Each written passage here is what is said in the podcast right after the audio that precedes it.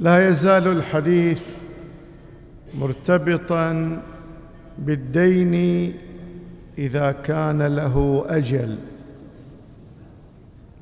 اتفق الطرفان على أن يسدد المدين إلى الدائن بعد ستة أشهر. تراضيا على ذلك. الآن المدين رزقه الله من حيث لا يحتسب. قبل أن تمضي ستة أشهر. فجاء مهرولا يقول هذا الدين أسهرني. والآن أنا فرح بسدد ديني هل يجب على الدائن أن يقبل قبل الأجل؟ بمعنى له أن يقول لا ما أستلم الآن. ما لك حق تفرض علي أستلم الآن.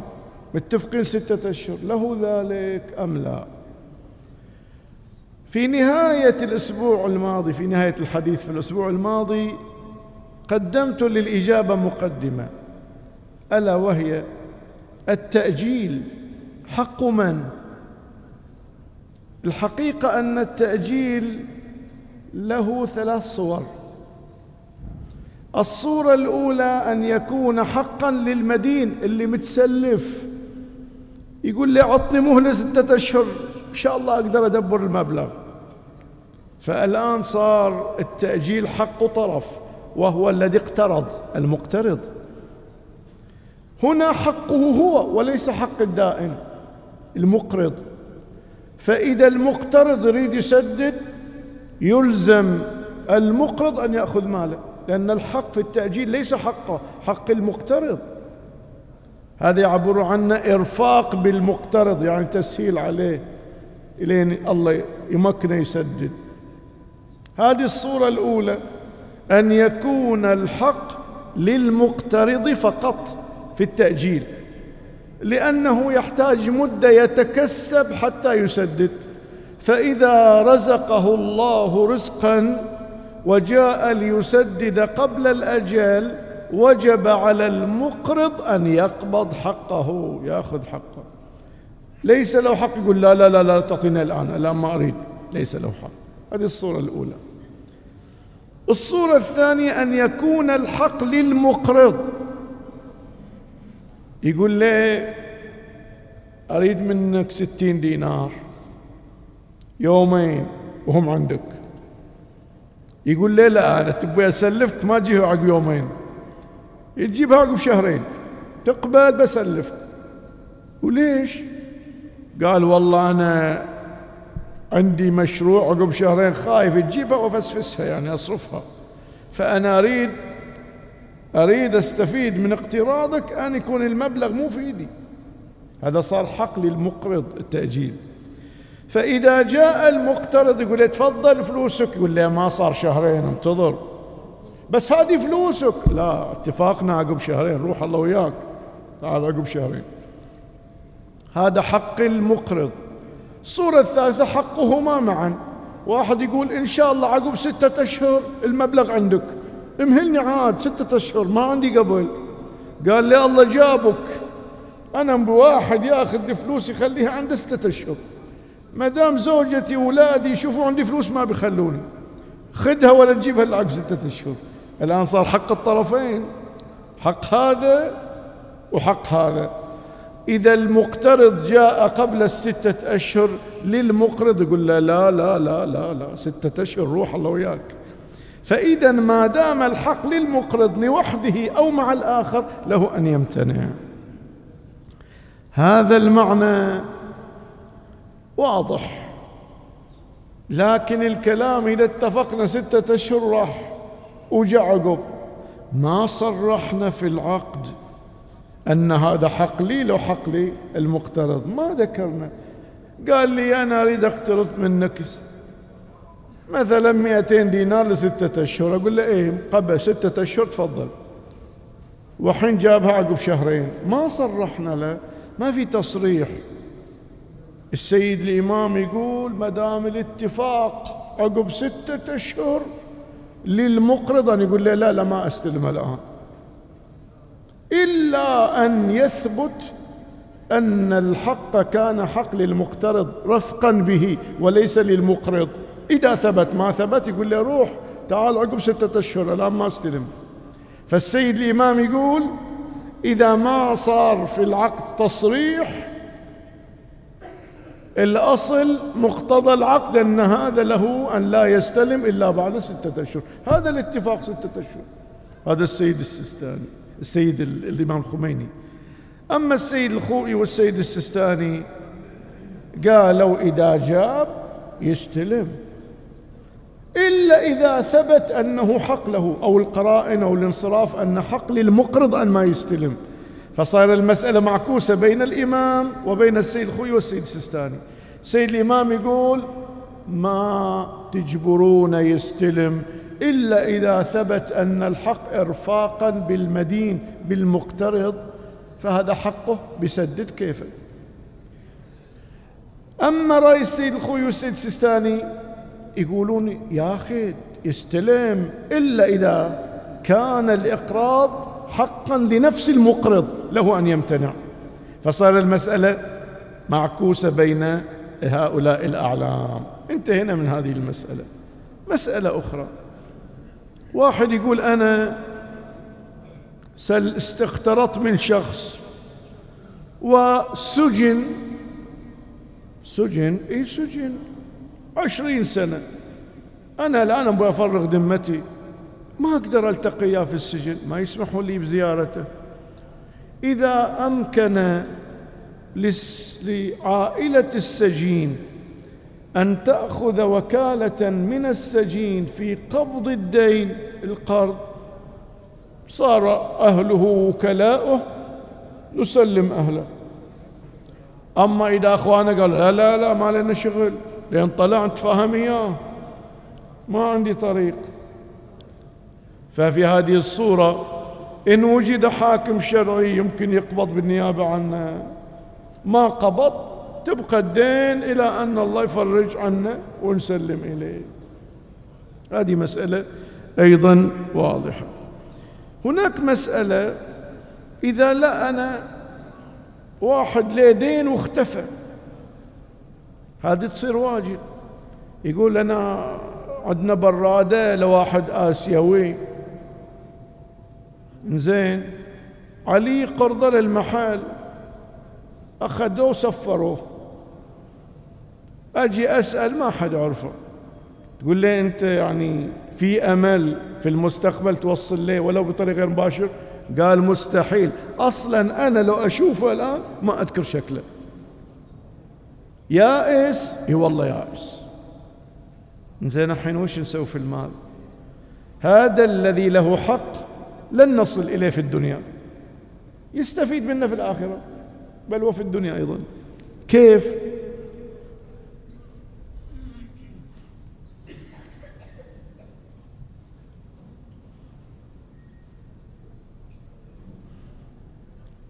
إن شاء الله دي مسائل الدين والخمس بيجي لاحقا.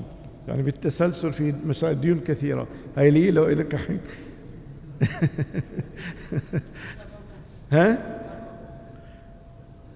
إن شاء الله لأن هي لها صور ومن هالجمعيات وإذا الجمعيات ديون بعد إن شاء الله في محلها بيجي بعد. بعدنا في الأجل ما أجل. الآن يا أحبة أنا متورط فلوس لشخص مستحيل أوصل إليه. كيف يستفيد من ماله ولا يمكن الوصول إليه؟ أتصدق بالمال نيابة عنه على فقير متدين.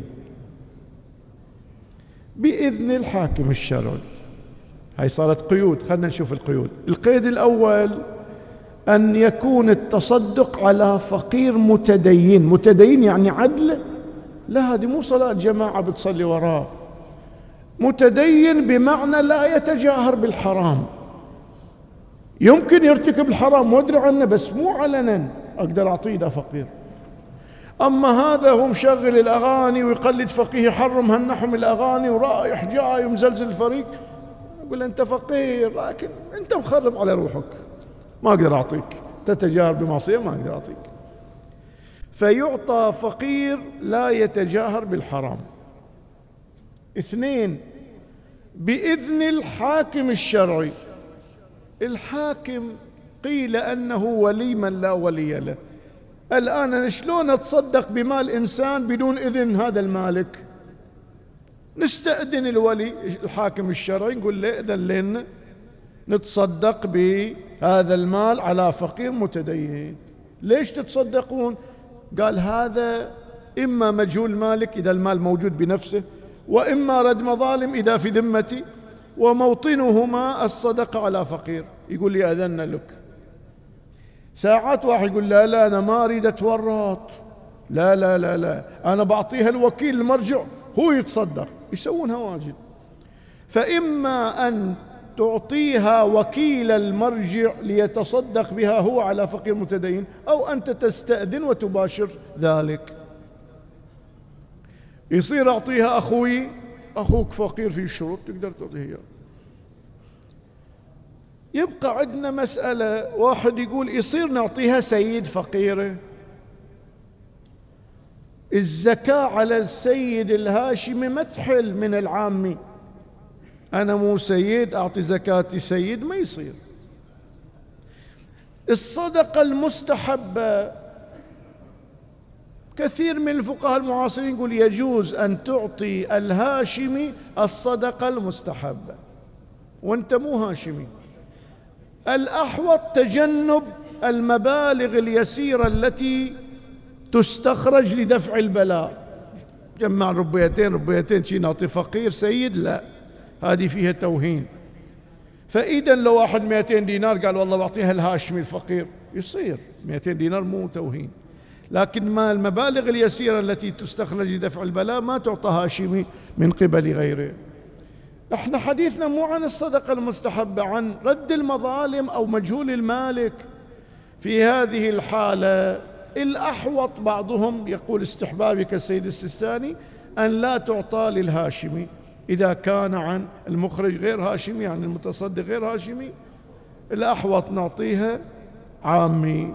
طبعا أنا بالنسبة لي أقول حق السادة موجود في الغالب. إنما المشكلة في العوام الفقراء. الصدقات الآن ما تكفي زايد. فحبذا يعني إذا في خمس يعطى حق السادة خمس ويترك هذا المجهول مالك أو المظالم للعوام الذين عندهم ضرورات ولا يتوفرون على المال. إذا عرفنا هذه المسألة. مسألة أخرى. تفضل.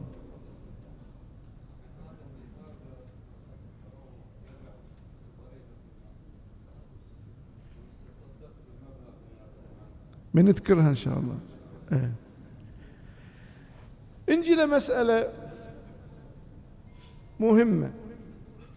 هذه مسائل وفيها واجد أمور. إحنا بس هي إشارة. ديك في التفصيل بنجيبها هذه الفقهاء بحثوا المسألة في رد المظالم واختلاط الحلال بالحرام وده هي ديون أيضا في باب الخمس وكيفية تحليل المال.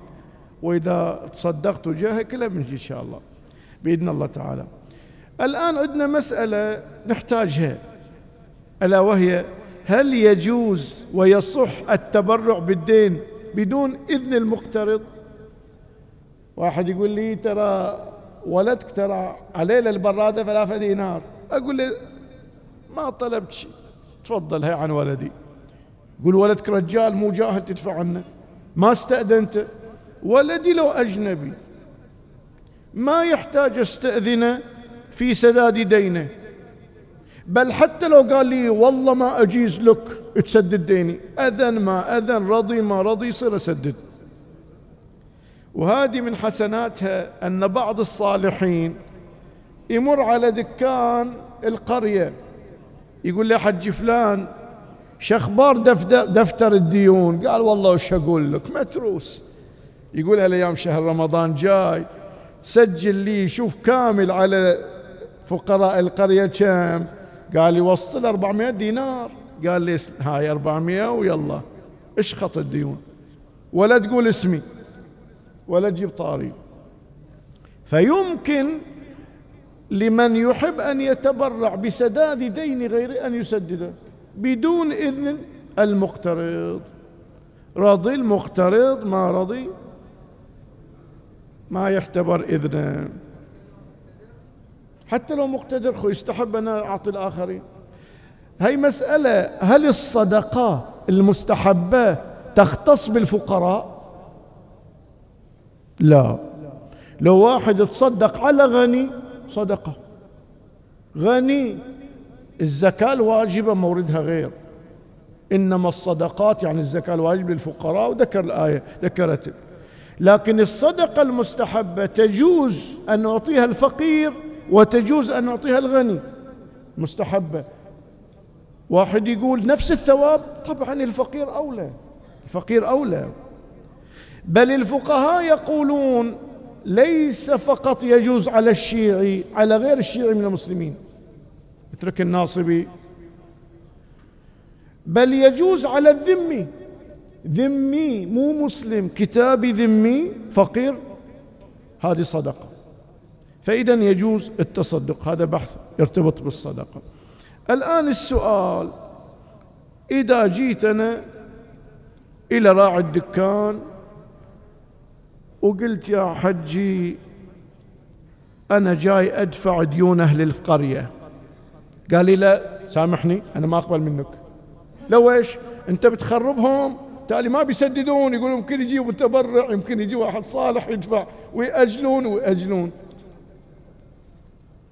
فيقول لك أنا تخرب أنت تخرب طريقتنا. سامحني ما أقبل منك. هل لصاحب الدين والقرض أن يرفض؟ يقول ما أقبل أو لا. السيد الإمام يقول لا لا ما لي حق. ليه فلوس ياخذها؟ يعطى ياخذ. السيد السيستاني يقول له أن يمتنع. هذه المسألة خلافية. المسألة خلافية. مو لازم أنت تقول لهم. لين جاب يسدد؟ قول له هالمرة في ناس دفعوا هالمرة إيه على أساس لا يتجرؤون على ذلك. يبقى عندنا سؤال نشير إليه ونجيبه الأسبوع القادم. واحد يقول أنا أدور صاحب الدين لحين ما محصل لنا. بس بيجي وين بروح لازم يوم من الأيام بلاقيه قام خلى ظرف في الصندوق ماله كتب عليه دين حج فلان. هل يتعين الدين بالعزل؟ زين وش ربط هالمسألة؟ وش ثمرتها؟ أنا أنت لو تعطيني أمانة وأخليها في مكان موثوق ويطب علينا سارق ويسرق أمانتك أنا ما أضمن. هل عزل الدين يلغي الضمان أم لا؟ هذا الأسبوع القادم إن شاء الله نبين المسألة بالتفصيل. والحمد لله رب العالمين. وصل اللهم على محمد وآله الطاهرين.